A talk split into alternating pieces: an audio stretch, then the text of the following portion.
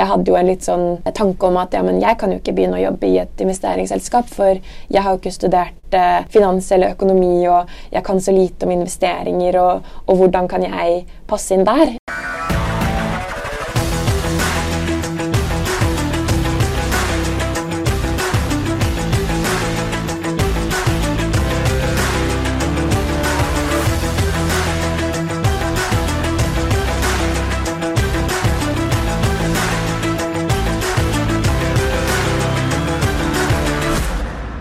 Velkommen til ny episode. Jeg heter Irina Melkild, og gjennom denne podkasten skal jeg ta deg med på reiser til unge og nyutdanna som står på startstreken av sitt yrkesliv. Dagens gjest heter Amalie Damsgaard Jensen. Hun har en master i industriell design fra NTNU og jobber i investeringsselskapet Firda. I episoden får vi et godt innblikk i den veldig varierte arbeidshverdagen til Amalie. Vi snakker om alt fra virtuelle QR-er til grønt hydrogen. Vi går også inn på spørsmål som hva er egentlig en investor? Hvordan har det vært å rotere arbeid i ulike deeptech-selskaper? Og hvordan var den første lønnssamtalen til Amalie? Jeg må på forhånd også beklage både for lydkvalitet og litt bakgrunnsstøy i denne episoden. Jeg håper likevel at det ikke stopper deg fra å høre hele episoden, for det Amalie deler fra sin reise, er verdt å få med seg.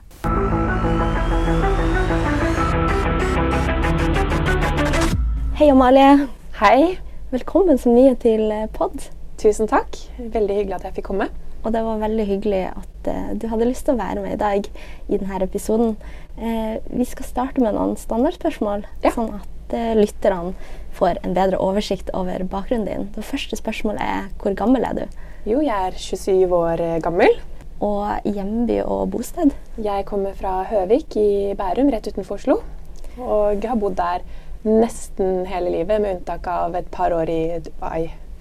Og i Trondheim, da, for så vidt.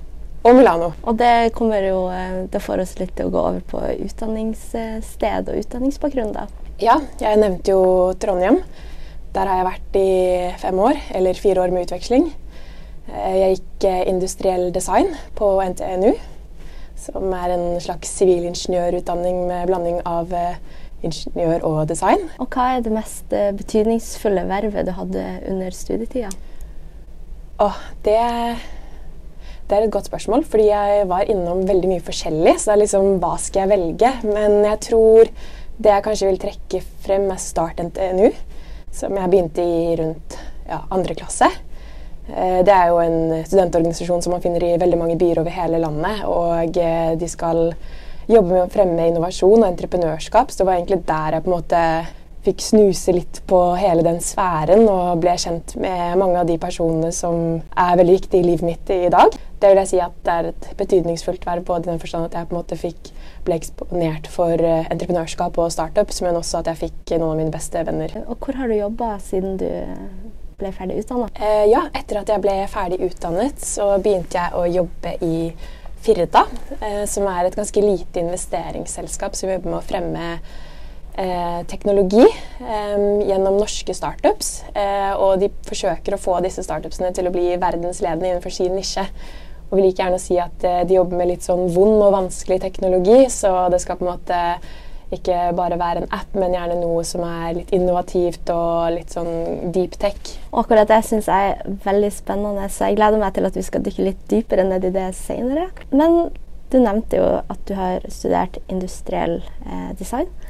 Eh, og det er kanskje ikke så mange som er så kjent med hva det egentlig er.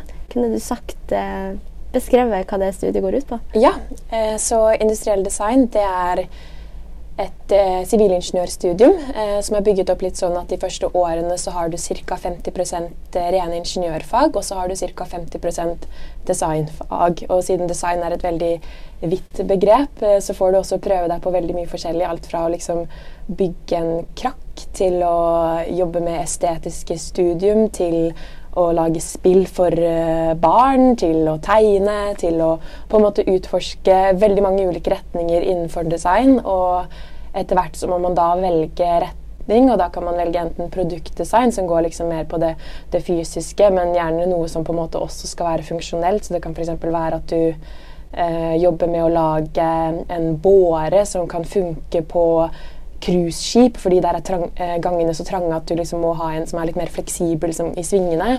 Eh, eller så velger du da den andre retningen, som er interaksjonsdesign, hvor du jobber mer med opplevelser og digitale tjenester, og egentlig tjenester også som sådan. Og når du velger den retningen også, så får du på en måte litt ulike fagpakker. Så med interaksjonsdesign så får du mer programmering og webutvikling og objektorientert programmering. Mens hvis du velger produkt, så får du mer på en måte jobbe på verksted og med hendene og, og også mer mekanikk og den type fag. da. Så det er liksom to veldig ulike retninger eh, man kan ta hvis man går industriell design. Men eh, også kan man bli veldig mange forskjellige ting etterpå også. Det høres veldig spennende ut. Hvilken retning valgte du? Jeg valgte interaksjonsdesign. Eh, litt fordi jeg syns det digitale spacet er veldig spennende.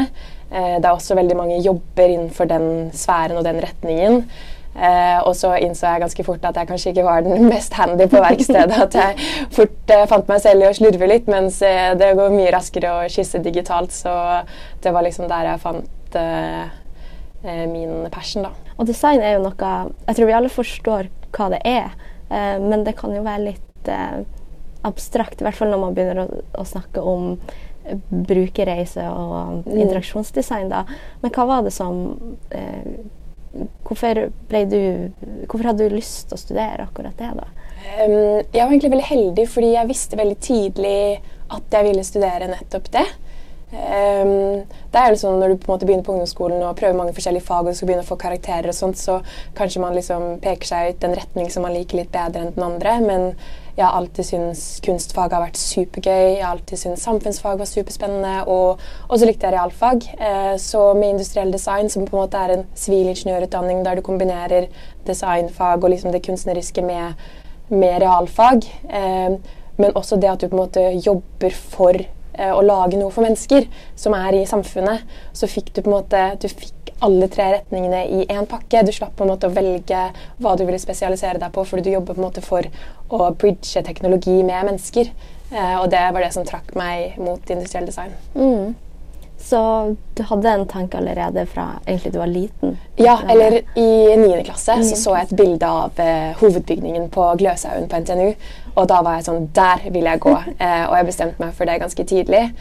Og så hadde jeg valgfag med kunst på videregående eh, og en helt fantastisk kunstlærer som jeg fikk veldig god kontakt med. og hun tipset meg om industriell design eh, og sa sånn Den linjen burde du sjekke ut. Den tror jeg kommer til å passe midt i blinken for deg. Eh, og det hadde hun helt rett i. Eh, så helt siden første klasse på videregående så, så, hadde jeg som mål å komme inn der. Da. Så da var det bare måte jobbe deretter. Mm. Og det klarte du. Ja. uh, og gjennom studietida så har du jo også hatt en rekke internships.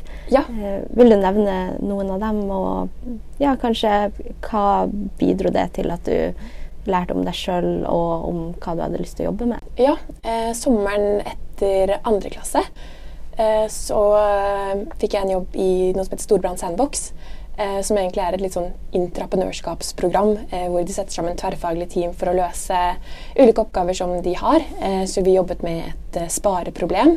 Eh, og eh, brukte lean-metodikken og jobbet veldig iterativt gjennom hele sommeren. og jeg skjønte da veldig fort at Eh, det å jobbe liksom på den måten i små tverrfaglige team og løse et veldig sånn reelt problem, at du fikk begynne helt fra scratch og hadde veldig frie tøyler og et budsjett du kunne disponere som du ville, det, det syns jeg var veldig, veldig gøy. Um, og sommeren etter så ville jeg prøve noe annet, noe litt større, så jeg fikk jobb i et uh, konsulenthus. Og trodde liksom at det kanskje var veien jeg skulle gå og ende opp, for det er det de fleste egentlig gjør. Uh, men jeg skjønte i løpet av sommeren at uh, at jeg på en måte trivdes mer i små team, tidlig fase, hvor det var litt høy beslutningstakt, mye som skjedde, og man fikk litt større frihet. Og at jeg egentlig kanskje heller vil være på en måte en stor del av noe lite i stedet for en liten del av noe stort. Um, så det gjorde at jeg sommeren etter gikk, uh, gikk tilbake igjen til litt mindre selskap, som var Firda. da. Og en annen ting jeg har lyst å trekke frem før vi går over på Firda, mm.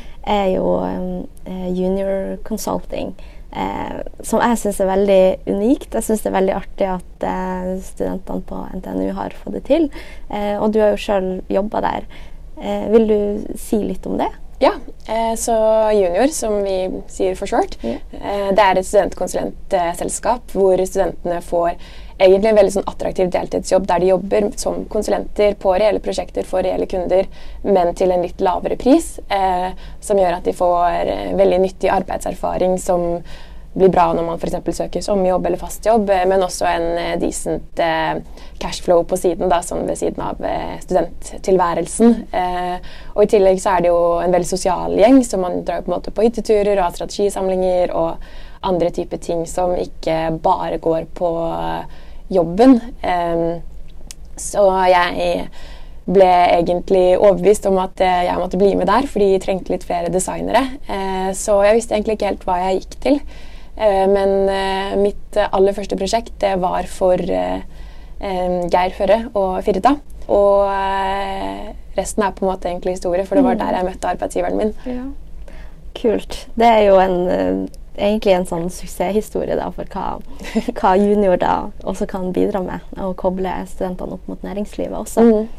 Um, men det er jo en fin bru over til Firda. Ja. Um, og totalt sett så har jo du jobba der nesten i to og et halvt år. Mm. Um, og du har jo tidligere nevnt uh, hva Firda er, men kanskje du kan ta en liten recap på det, hva det er? Ja. Man glemmer jo fort. Så hva, hva, er Firda, og hva jobber dere med? Ja, eh, Firda det er et relativt lite investeringsselskap som investerer i tidligfase teknologistartups eh, som har litt sånn vond og vanskelig teknologi, eh, og som skal gjøre noe bra for verden. Eh, så det er på en måte grunnpilarene i Firda. Eh, det er ikke så gammelt selskap, holdt på siden 2015. Og da var det egentlig bare Geir Førre og Magnus Norseth som gjorde et par investeringer og jobbet veldig aktivt med dem. Eh, så Firda-modellen har på en måte blitt til en veldig aktiv investor som gjerne går inn ganske tidlig, ganske tungt. Sikter på rundt 25% eierandel og styreplass, gjerne styreledervervet også. Og det har på en måte blitt eh, litt den måten vi investerer på. Eh, og i tillegg til det så kan det være verdt å nevne at Firda er en evergreen investor, så vi har på en måte ikke noen utløpsdato på investeringene våre. Vi sitter på dem så lenge som vi føler at de på en måte kan utvikles videre og er fruktbare og på en måte være med så langt som mulig på reisen. Hvor mange er dere da? Um, nå har vi vel blitt eh, tolv. Uh, så Firta har jo gått fra å være bare to menn eh, til å bli nå mange, mange flere. Eh, og vi har også mange flere juniorer. Eh, og ca. 50-50 damer og menn. Eh, så det har blitt et eh, mye mer mangfoldig og på en måte bra og sunt miljø. da. Mm. Det er jo veldig bra med 50-50 i, ja, i, egentlig i alle selskap, eh, men spesielt da i et investeringsselskap. Det har jo vært veldig mye fokus på, på at man trenger flere kvinnelige investorer og ja, flere damer involvert i det. Eh, men hvordan har du, har du noen gang For når du starta Eh, da var det mest menn. Ja, eller Da jeg hadde sommerjobb, så var det bare Geir og Magnus. Ja. Eh, og så da jeg startet i fast jobb, så hadde de også rekruttert inn eh, to damer. Eh, helt fantastiske damer. Lauka Oskarsdottir, som tidligere var i Startup Lab, eh, og Merete Jørgensen, som er CFO-en i Firda. Eh, og med en gang de kom inn, så endret på en måte også Firda liksom litt form. fordi fra å være min første sommerjobb hvor de nærmest var litt sånn overrasket over at jeg var der og på en måte bare fant på noen oppgaver, til å på en måte bli liksom skikkelig orden med onboarding og eh, prater med alle sammen og blomster første dag. Og ting på en måte ble mye mer varmere, og det ble på en måte en skikkelig hyggelig atmosfære på jobben. da, Og også at de tilfører skikkelig mye. Så på en måte mitt inntrykk om at investorverdenen er veldig mannsdominert. Det er sånn, ja, Jeg kjenner meg igjen i stereotypien, men i hverdagen min så opplever jeg ikke det. For jeg har så mange inspirerende og sterke damer rundt meg som jeg ser veldig opp til, og som på en måte er min hverdag. da. Mm, ja, absolutt. Og det, det, var egentlig det som var litt poenget med spørsmålet. for det Altså, Ingen tvil om at det er bra med kjønnsbalanse begge veier. Og så er det, siden jeg kom inn i denne startup-verdenen, da, så har det egentlig bare vært flere og flere damer kvinnelige investorer, kvinnelige gründere, som er ja, veldig rå. Eh, så det er veldig kult at, eh, at, for min del, også i min hverdag, så, så er jeg egentlig ikke så prega av eh, at det er Eller det sies jo at det er færre damer, da, men det virker egentlig ikke sånn. men ja, du nevnte at du hadde lyst å gå litt tilbake til de må jobbe med selskap i tidligere fase. Og da blir det jo gjerne startups. Ja. Um, hva er det med det som Hva er det med startup-sfæren som interesserer deg? Um, jeg var litt inne på det i sted, men jeg syns det å jobbe med å utvikle noe, og gjerne noe meningsfylt, eh, det gir meg på en måte et ekstra gir. Eh, og jeg er villig til å jobbe hardere, jobbe mer, eh, fordi det på en måte gir noe tilbake. Eh, og i tillegg så liker jeg veldig godt det med, med, små selskaper at det er veldig høy beslutningstakt. Det er kort vei fra eh, du diskuterer noe til det blir en realitet.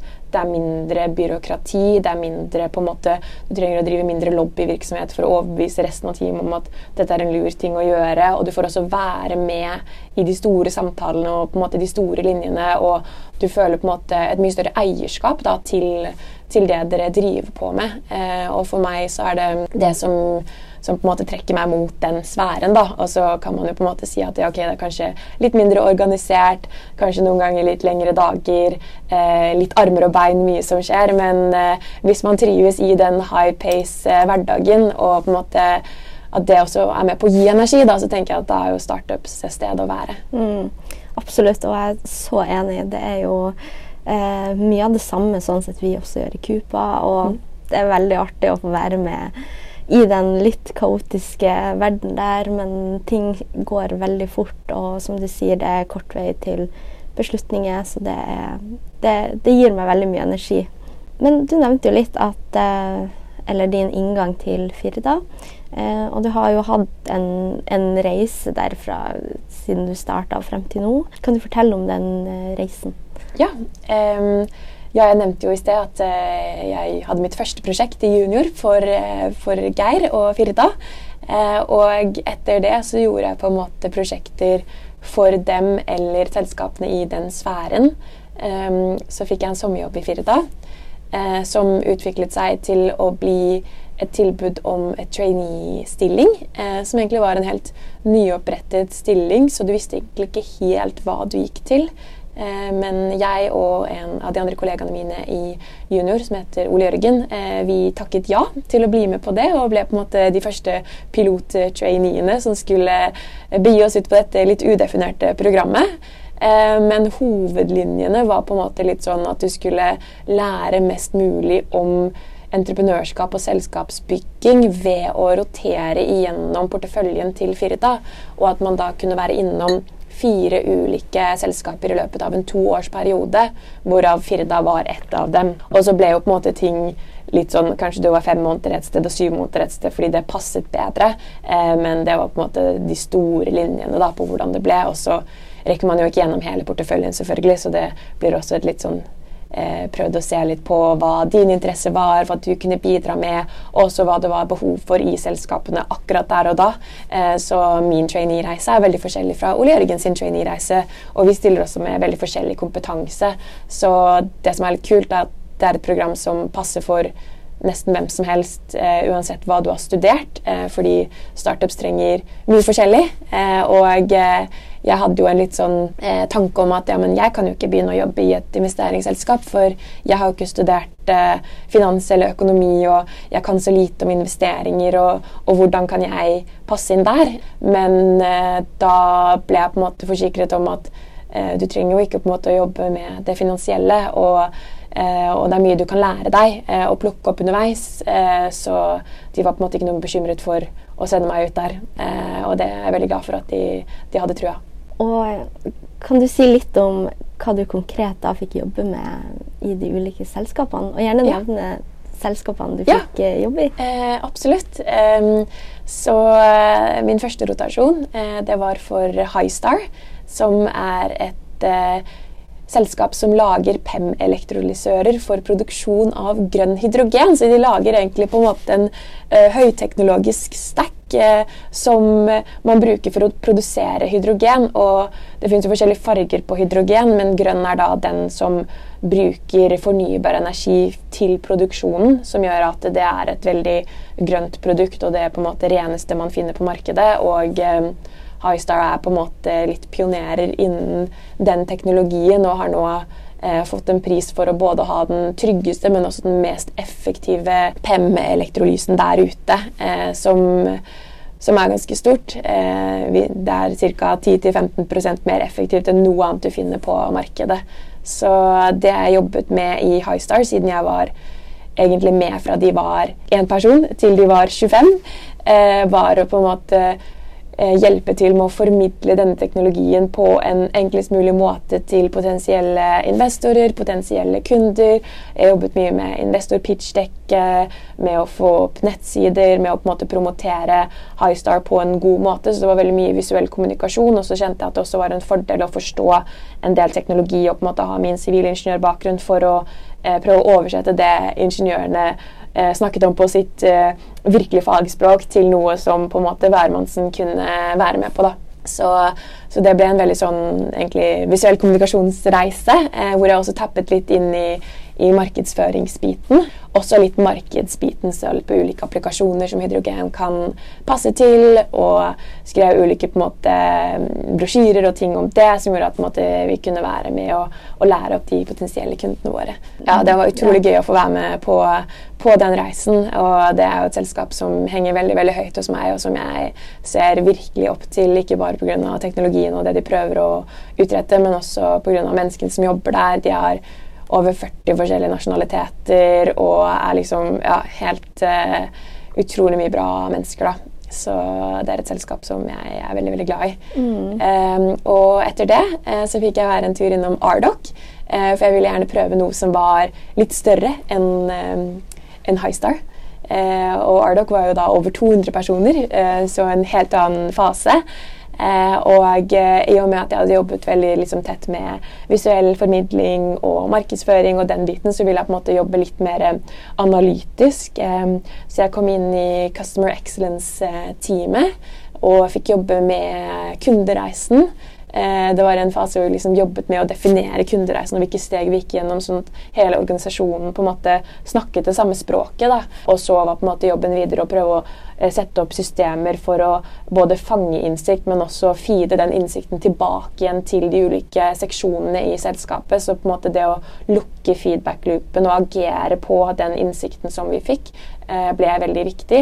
Men også å formidle den innsikten på en god måte, sånn at de ulike måte, avdelingene fikk riktig informasjon til riktig tid og faktisk kunne bruke den til å forbedre seg. Så det var en oppgave som var veldig på liksom kundeopplevelsen, kundereisen, men også å analysere data. Og Ardoc er jo veldig datadrevet og bruker mye analyse i på en måte beslutningene sine, så det var veldig veldig spennende å lære den delen av det. Og definitivt en utfordring og litt lenger utenfor hva jeg har drevet med før. Eh, så det var en veldig, veldig bratt læringskurve. og igjen utrolig mange flinke folk å få jobbe med. Så en annen ting jeg på en måte lærte litt da underveis etter å på en vært i min andre rotasjon, var at sånn Hvis du ikke trives et sted, så fins det så utrolig mange steder du kan trives, og det fins så mye bra mennesker du kan jobbe med. Så hvis du ikke liker deg, så er det på en måte bare å gå videre, fordi du kommer til å finne et sted du liker. Eh, og det var litt sånn betryggende å på en måte kjenne på det når man på en måte roterer rundt. da, at det er faktisk veldig mange bra selskaper og veldig mange bra mennesker der ute. Mm. Det var veldig fint sagt. Og så Det viser jo litt av det, det spennende og altså den variasjonen i arbeidsoppgaver også, ja. og, og, type selskap, ikke minst. Hva, hva, de gjør, er jo også så forskjellig. Men så er det så gøy at man kan bruke sin kompetanse likevel. Ja. Eh, og klare å sette seg inn i de, de casene. Ja. Så det siste, i tillegg til Fire dager selv, da, var eh, Monil, som lager virtuelle gjerder for kuer. Eh, så igjen fikk jeg da virkelig bryne meg på noe helt annet, hvor jeg har vært ute hos bønder, ute på jorder, klappet kuer, eh, intervjuet folk eh, og egentlig jobbet med eh, veldig mye, for de er jo i en tidlig fase og jobber seg fram mot en lansering. Så jeg har vært en del av det kommersielle teamet som har på en måte laget en go to market-plan og en, eh, jobbet med å sette opp eh, nettbutikk bygge den fra bunnen, jobbet med brand, jobbet med kommunikasjonen av produktet. Vært eh, med ut og intervjue bønder og på en måte ja, eh, fått virkelig kjenne på noe helt annet. Komme hjem og lukte fjøs. og ja, og igjen, eh, nok en gang kjente jeg på at eh, det er så mye kult du kan gjøre. Så jeg blir jo bare veldig giret av å snakke om det. Men det er bra. Det viser jo at det, du brenner for det, det du jobber med. Det er et godt tegn. Um, og så tenkte jeg, uh, i og med at nå har vi jo snakka om at Firda er et investeringsselskap, um, og da på en måte at dere anses jo som en investor. Og for min egen del, det var vel ikke Altså når jeg begynte å jobbe i Coopa, det var da jeg innså hva egentlig en investor er å gjøre. Før det så tenkte jeg bare at en investor var en person med mye penger som, ja, som bare investerte pengene sine, og that's it. Eh, og så har jeg funnet ut at det er så mye mer, og det kommer også veldig frem av det, av det du sier. Og Firda, som er en tidligfaseinvestor, er jo Man kan jo si at det jo, finnes jo ulike typer investorer som går inn i ulike faser. Og i den tidlige fasen da, så vil jo investoren også være mer aktiv, eh, sånn som dere, da. Så det kan jo være greit for de lytterne som ikke, eh, ikke er så kjent med akkurat det, da, eh, å vite. Eh, men hvis du skulle sagt hva en investor er, hva ville du svart da? Um, ja, det er et veldig, veldig godt spørsmål. Fordi jeg føler at det ordet har mange assosiasjoner knyttet til mm. seg, som gjerne går på det her av en som eh, investerer penger for å maksimalisere utbytte. Det er liksom rikdom. Du tenker kanskje på Spetalen og andre store navn. Og eh, og for meg så er på en måte investor veldig mye mer. Eh, og jeg, jeg syns jo nesten at man kan trekke det så langt som at hvis du investerer pengene dine, så er du jo i og for seg en investor. Men jeg føler at hvermannsen de kan se på seg selv som en person som investerer penger. Eh, som f.eks. den DNB-kampanjen med 'Hun investerer'. og på en måte sånn, Det er det mange som gjør, og mange som kjenner seg igjen i. Men det å være en investor, det sier man ikke. Eh, så det er på en måte en sånn dissonans mellom å investere og være en investor, mm. eh, som på en måte jeg føler har forplantet seg litt i samfunnet. Og jeg syns jo på en måte at alle som investerer, i og for seg er en investor, men hvis man har det på liksom stillingstittelen sin at man er en investor, så er det jo mye det du sier at eh, ja, i tidlig fase så kan du f.eks. være en aktiv investor, og da går vi hardt inn i selskapene, bruker masse tid på dem. Eh, sender kanskje til og med folk inn. Nå gjør jeg ikke det så ofte, men som en del av trainee-programmet så har på en måte det blitt en, en greie. da, eh, Å være litt mer operasjonell. Eh, men i det store og hele så handler det for oss om å, å hjelpe de selskapene mot eh, suksess. Eh, og eh, ikke bare på en måte source selskaper og flytte penger, men faktisk jobbe aktivt og tett med selskapene for at de skal nå målet sitt. Det var veldig klokt sagt om investor og det å investere og være en investor. Jeg tror at det, det endrer litt uh, måten man ser det på. Um, og jeg pleier å tenke litt sånn at man, uh, investering handler ikke nødvendigvis kun om penger heller. Som du sier, dere bruker mye tid på tid, ja. Mm. Ja, rådgivning. Så det å bruke tid og tilføre noe ekstra kompetanse, nettverk, erfaringer, kan jo også være en investering mm. eh, også. Og så nevnte du Eller du har jo sagt nå at du hadde jo veldig mange spennende arbeidsoppgaver, og du fikk jobbe med veldig mange flotte folk. Hva var det som gjorde at du tenkte at, eh, at du hadde lyst til å være med i Firda eh, på veien videre? Ja, Man skjønner jo kanskje mellom linjene her at jeg er veldig engasjert i de selskapene som jeg har vært med i, og har blitt veldig glad i de menneskene som jeg jobber med. Og jeg følte meg rett og slett ikke helt mett på den sfæren og de arbeidsoppgavene, og jeg føler at jeg har mer å gi. og at jeg har blitt veldig veldig glad i de menneskene som jeg jobber sammen med. Um, så jeg tenker at så lenge man drives framover og har det gøy i jobben og føler at den er meningsfylt, så ser jeg ikke noen grunn til å flytte på seg. Og spesielt siden Firda-nettverket er såpass stort og man eksponeres for mange ulike selskaper, mange ulike mennesker, nettverksgrupper, den type ting, så gir det veldig mye verdi eh, utover selskapets grenser også. For selskapet i seg selv er jo ikke så stort, men på en måte sfæren er jo det. Eh, og ja, jeg er rett og slett eh, sulten på mer. Og altså, din reise i Firda minner meg jo veldig mye om min egen reise i Kupa.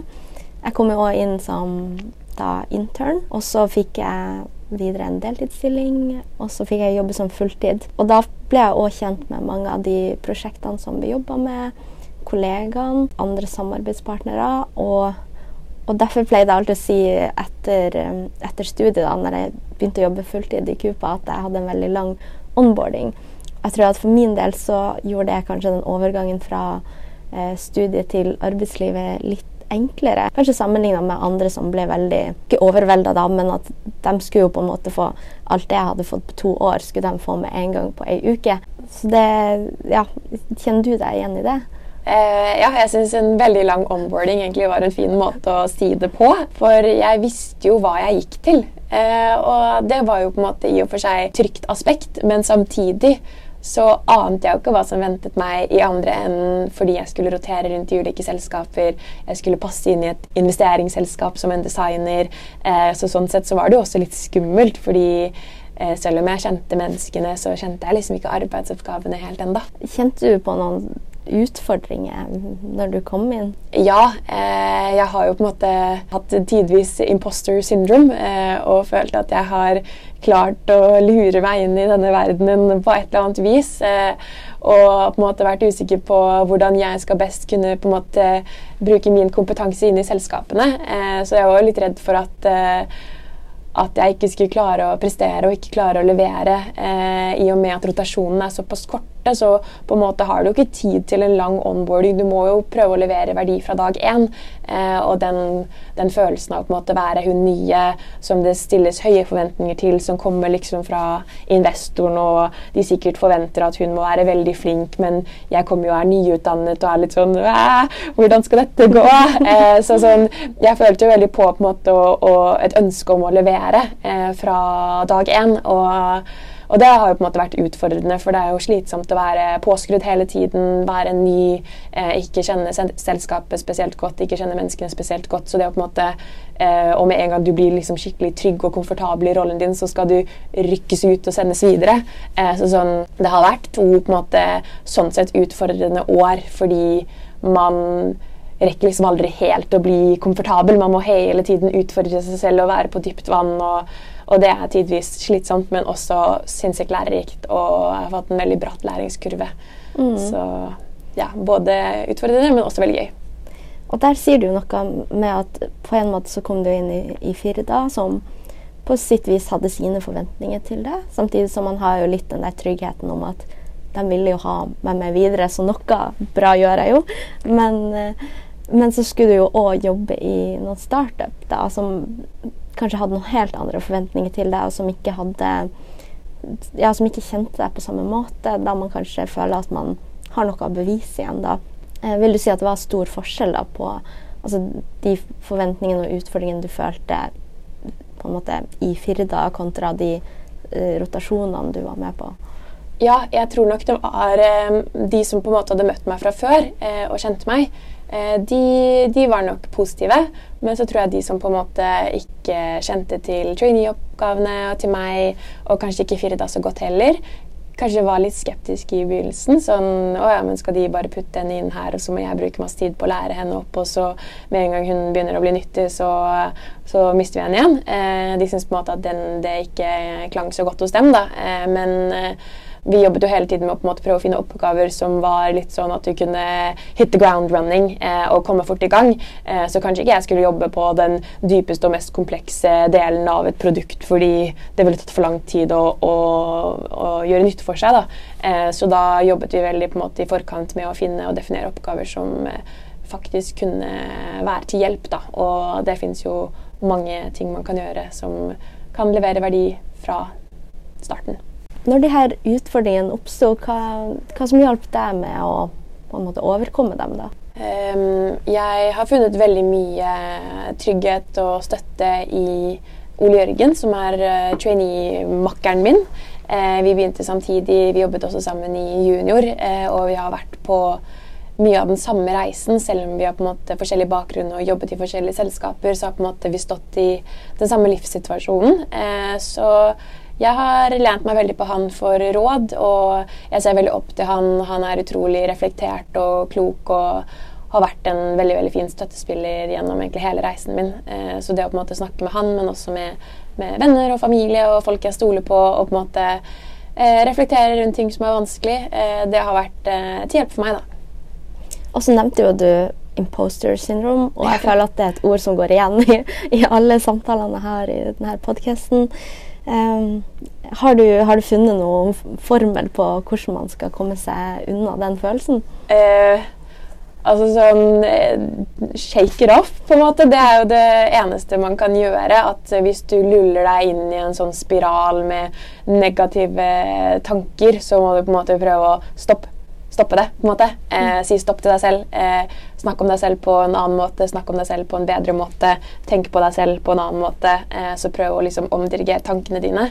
Eh, og det er jo mye lettere sagt enn gjort, for jeg luller meg selv eh, fort ned i en eller annen tankespiral. Men eh, da hjelper det som sagt å på en måte snakke med venner og familie som kan hjelpe deg å rasjonalisere og hjelpe deg å stoppe det tankemønsteret. For det handler jo egentlig til syvende og sist om om at du kjører deg selv litt ned. Da. Så hvis du klarer å flippe hvordan du tenker på deg selv, eh, og kanskje få litt hjelp til å flippe det, så, så har det i hvert fall funket for meg. Mm.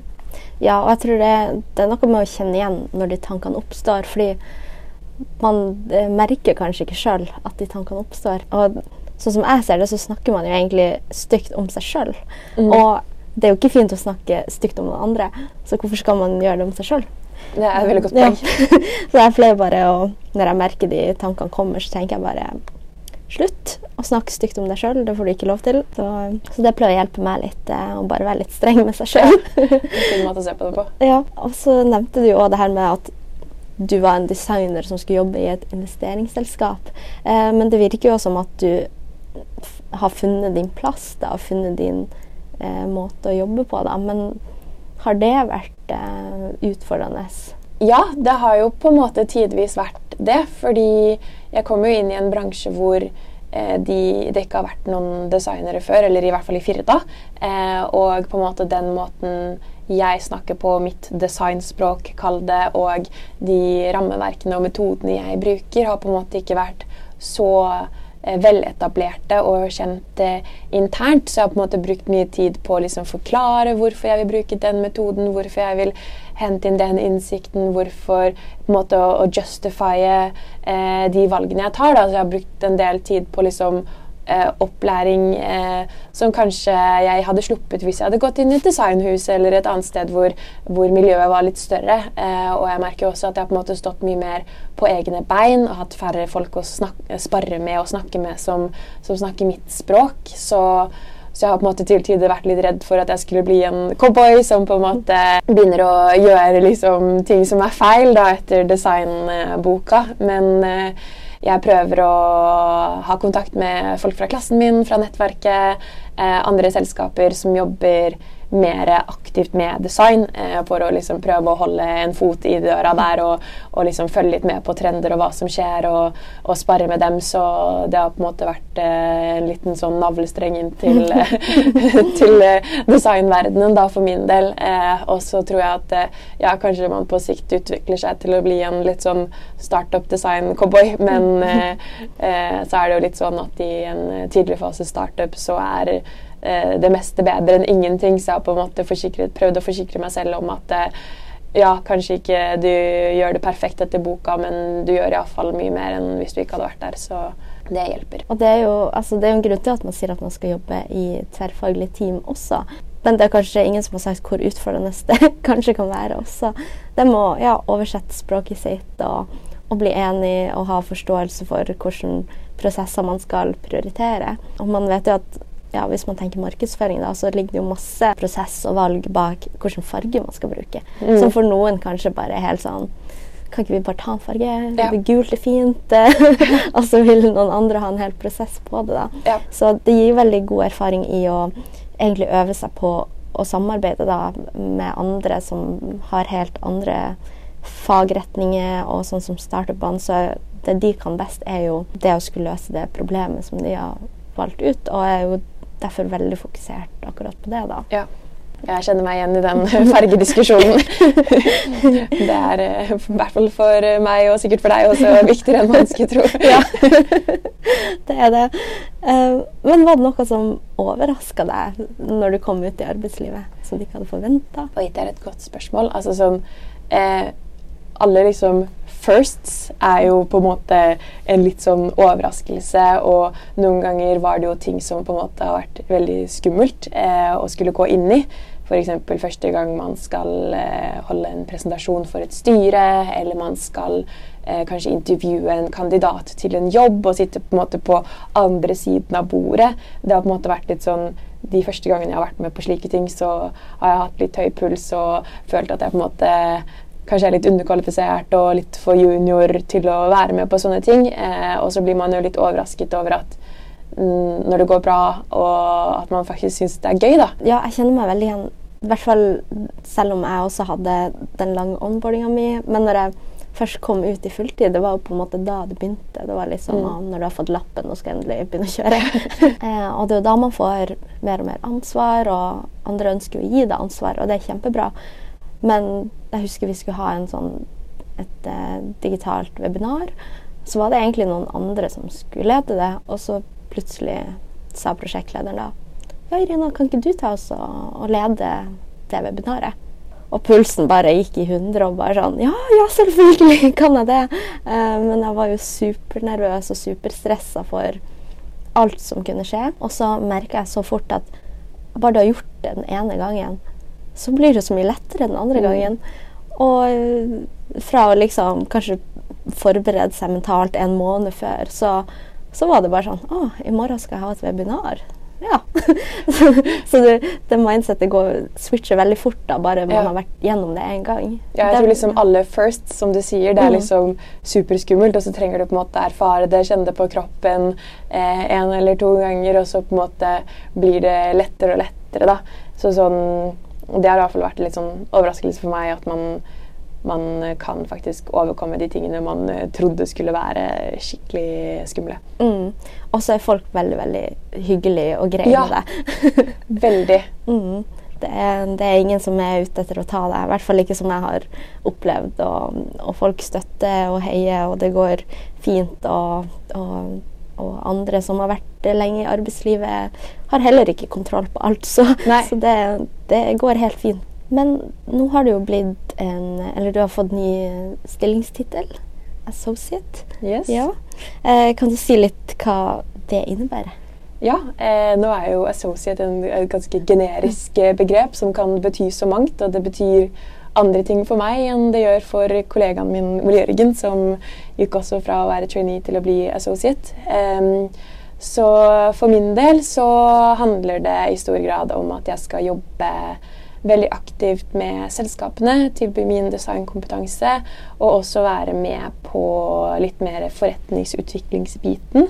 Eh, så hvis det er helt, helt nye selskaper som skal startes opp, så eh, skal jeg få være med å prøve selv. Eh, så fra oktober så skal, eh, skal jeg faktisk ut og være med å starte et helt nytt selskap. Så eh, det blir spennende. Det er, det er, jo veldig kult å få være med på, på alt det. Og ja, at du, du, får jo egentlig være litt gründer mm. uh, uten å være gründer. ja, det er på en måte litt trygt uh, på den måten at jeg jeg føler at jeg får være med å starte noe, men at jeg har tryggheten av å ha en jobb i ryggen som backer meg, og jeg har folk rundt meg som støtter meg, og jeg har et nettverk med masse kompetanse som jeg kan tappe inn i og lære fra og hente råd og inspirasjon fra. Eh, så det er på en måte startup under trygge forhold.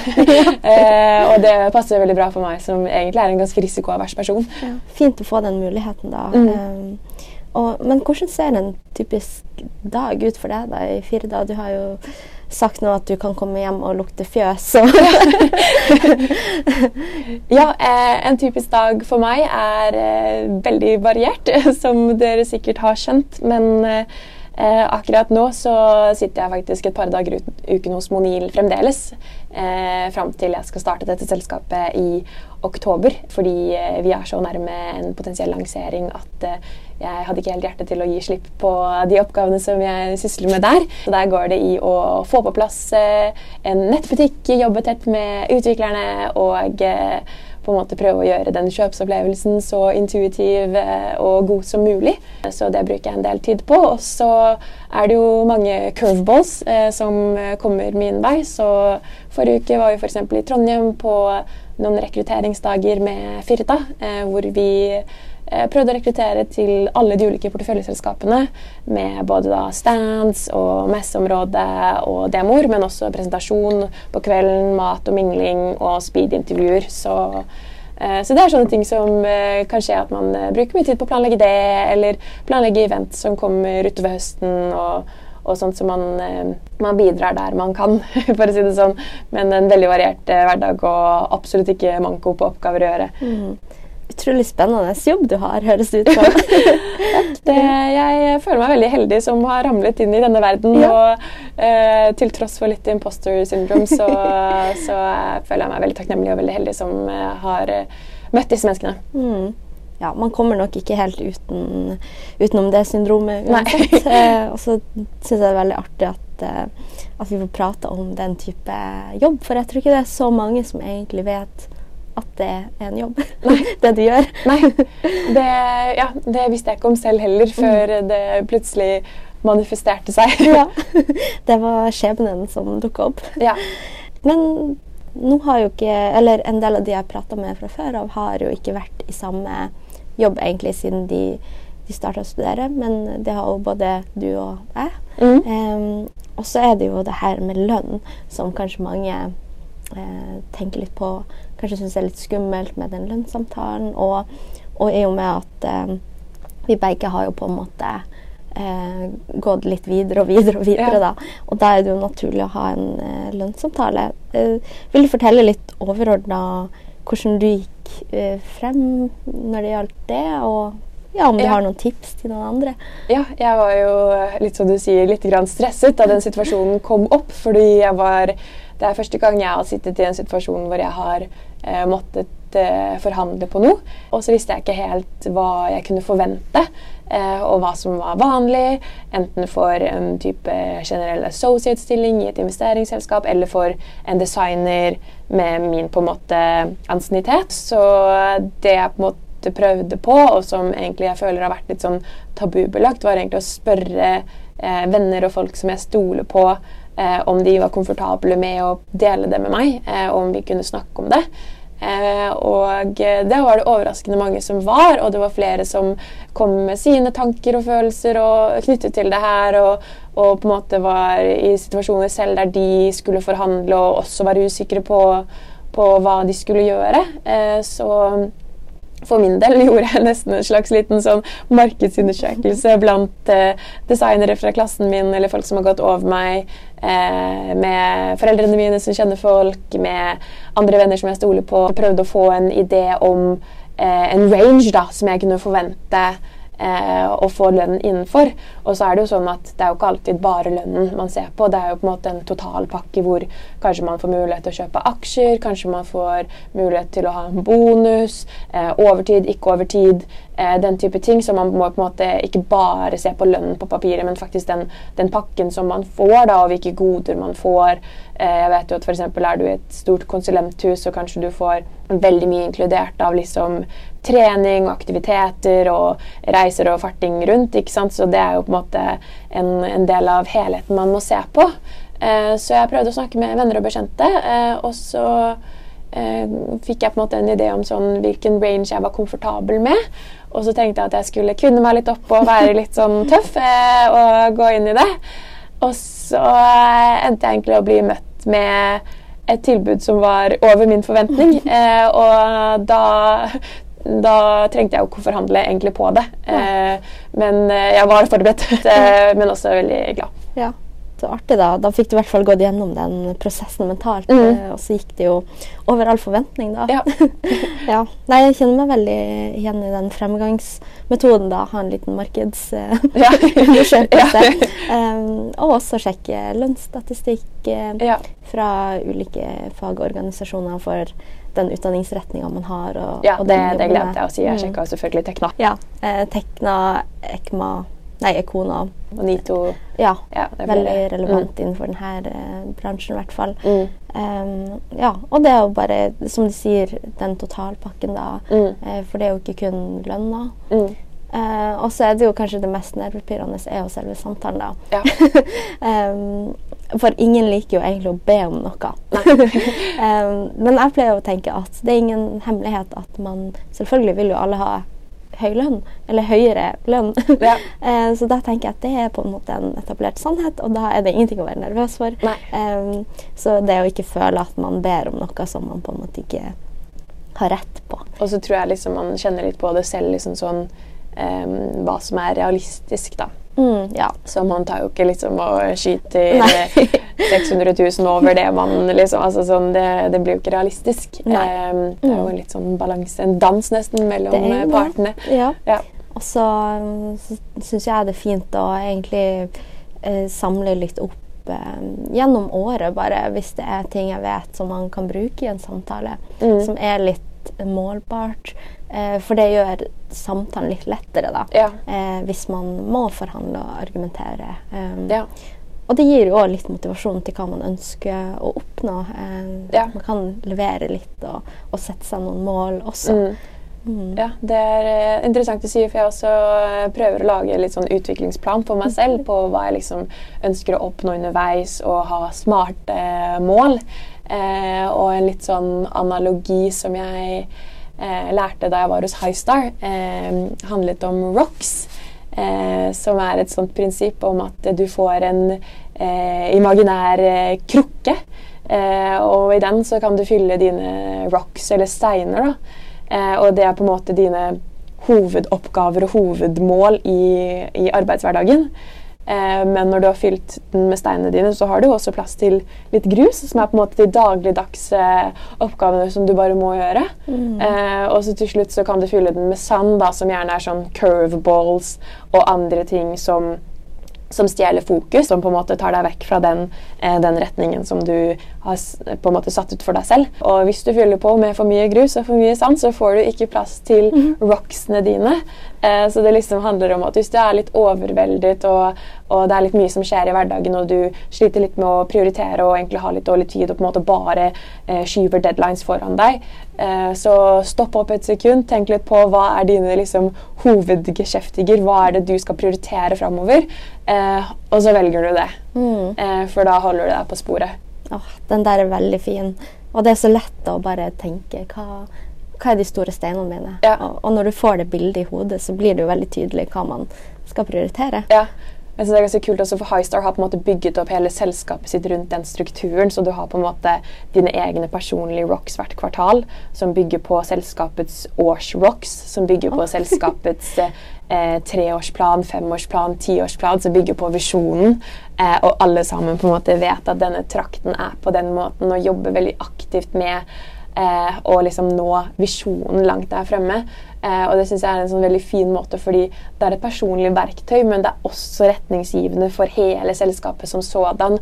Og de har på en måte offsite hvert kvartal, hvor de på en måte jobber med å definere eh, selskapets og sine individuelle rocks. Og jeg syns at den kulturen som de bygget rundt hele det rammeverket, har vært eh, det er jo på en måte veldig likt som OKR, så du kan jo på en måte kalle det det samme, men, men eh, analogien syns jeg er veldig fin. Ja, ja, helt enig. Jeg skulle akkurat til å spørre om det på en måte erstatter ja, det er på en måte det samme. Ja, det er liksom eh, same shit, different wrapping. En litt, litt annen måte å se på det på, men eh, mye mye av det samme essensen. Ja, mm. Ja. Men det gjør det mye enklere å forstå da, Mm. for alle eh, også. Så, eh, og når folk forstår det, så er det lettere å, å få det gjennomført. Ja. Vi nærmer oss slutten, eh, så da må jeg jo spørre deg, hva er ditt mål for egen karriere? Hva drømmer du om å oppnå? Det er et stort spørsmål, eh, og jeg har prøvd å reflektere litt over det. Eh, men det jeg på en måte tror er viktigst for meg, er at jeg gjør noe som mine fremtidige barn kan være stolt av. At jeg på en måte alltid jobber med noe som gjør verden til et bitte litt bedre sted. Sånn at man kan på veldig veldig langt fram i tid pensjonere seg med god samvittighet. Ja, det var et veldig fint mål. Eh, og hvis du skulle komme med tips til andre som er i starten av sin karriere, hva skulle det vært? Um, for meg tror jeg det vil være å ikke nødvendigvis følge strømmen. Eh, gjør det som føles riktig for deg og for ditt hjerte. Eh, finn noe som du bryr deg om, som gir deg det ekstra giret. Eh, for jeg tror at hvis man jobber med noe man syns er gøy, og som gir deg energi, så utretter du også mer, du blir bedre, og på en måte det, det får positive liksom, eh, følgeeffekter. Eh, så ikke nødvendigvis følg strømmen. Eh, gjør det som føles riktig for deg. Gå gjerne inn i en startup, syns jeg. Eh, men ikke hvis ikke det er riktig for deg. Veldig bra tips, og jeg likte spesielt det med å gå inn i en startup. Da må jeg takke så mye for samtalen. Det var veldig fint å høre om din reise i karrieren, og du hadde jo veldig mange gode tips. Jo, takk, og tusen takk for at jeg fikk komme. Det var eh, veldig hyggelig og også gøy. Og jeg skal innrømme at jeg hadde litt imposter syndrome eh, også da de spurte meg om å bli med her. Eh, så, men veldig glad for at jeg ble med, og det var en veldig hyggelig samtale.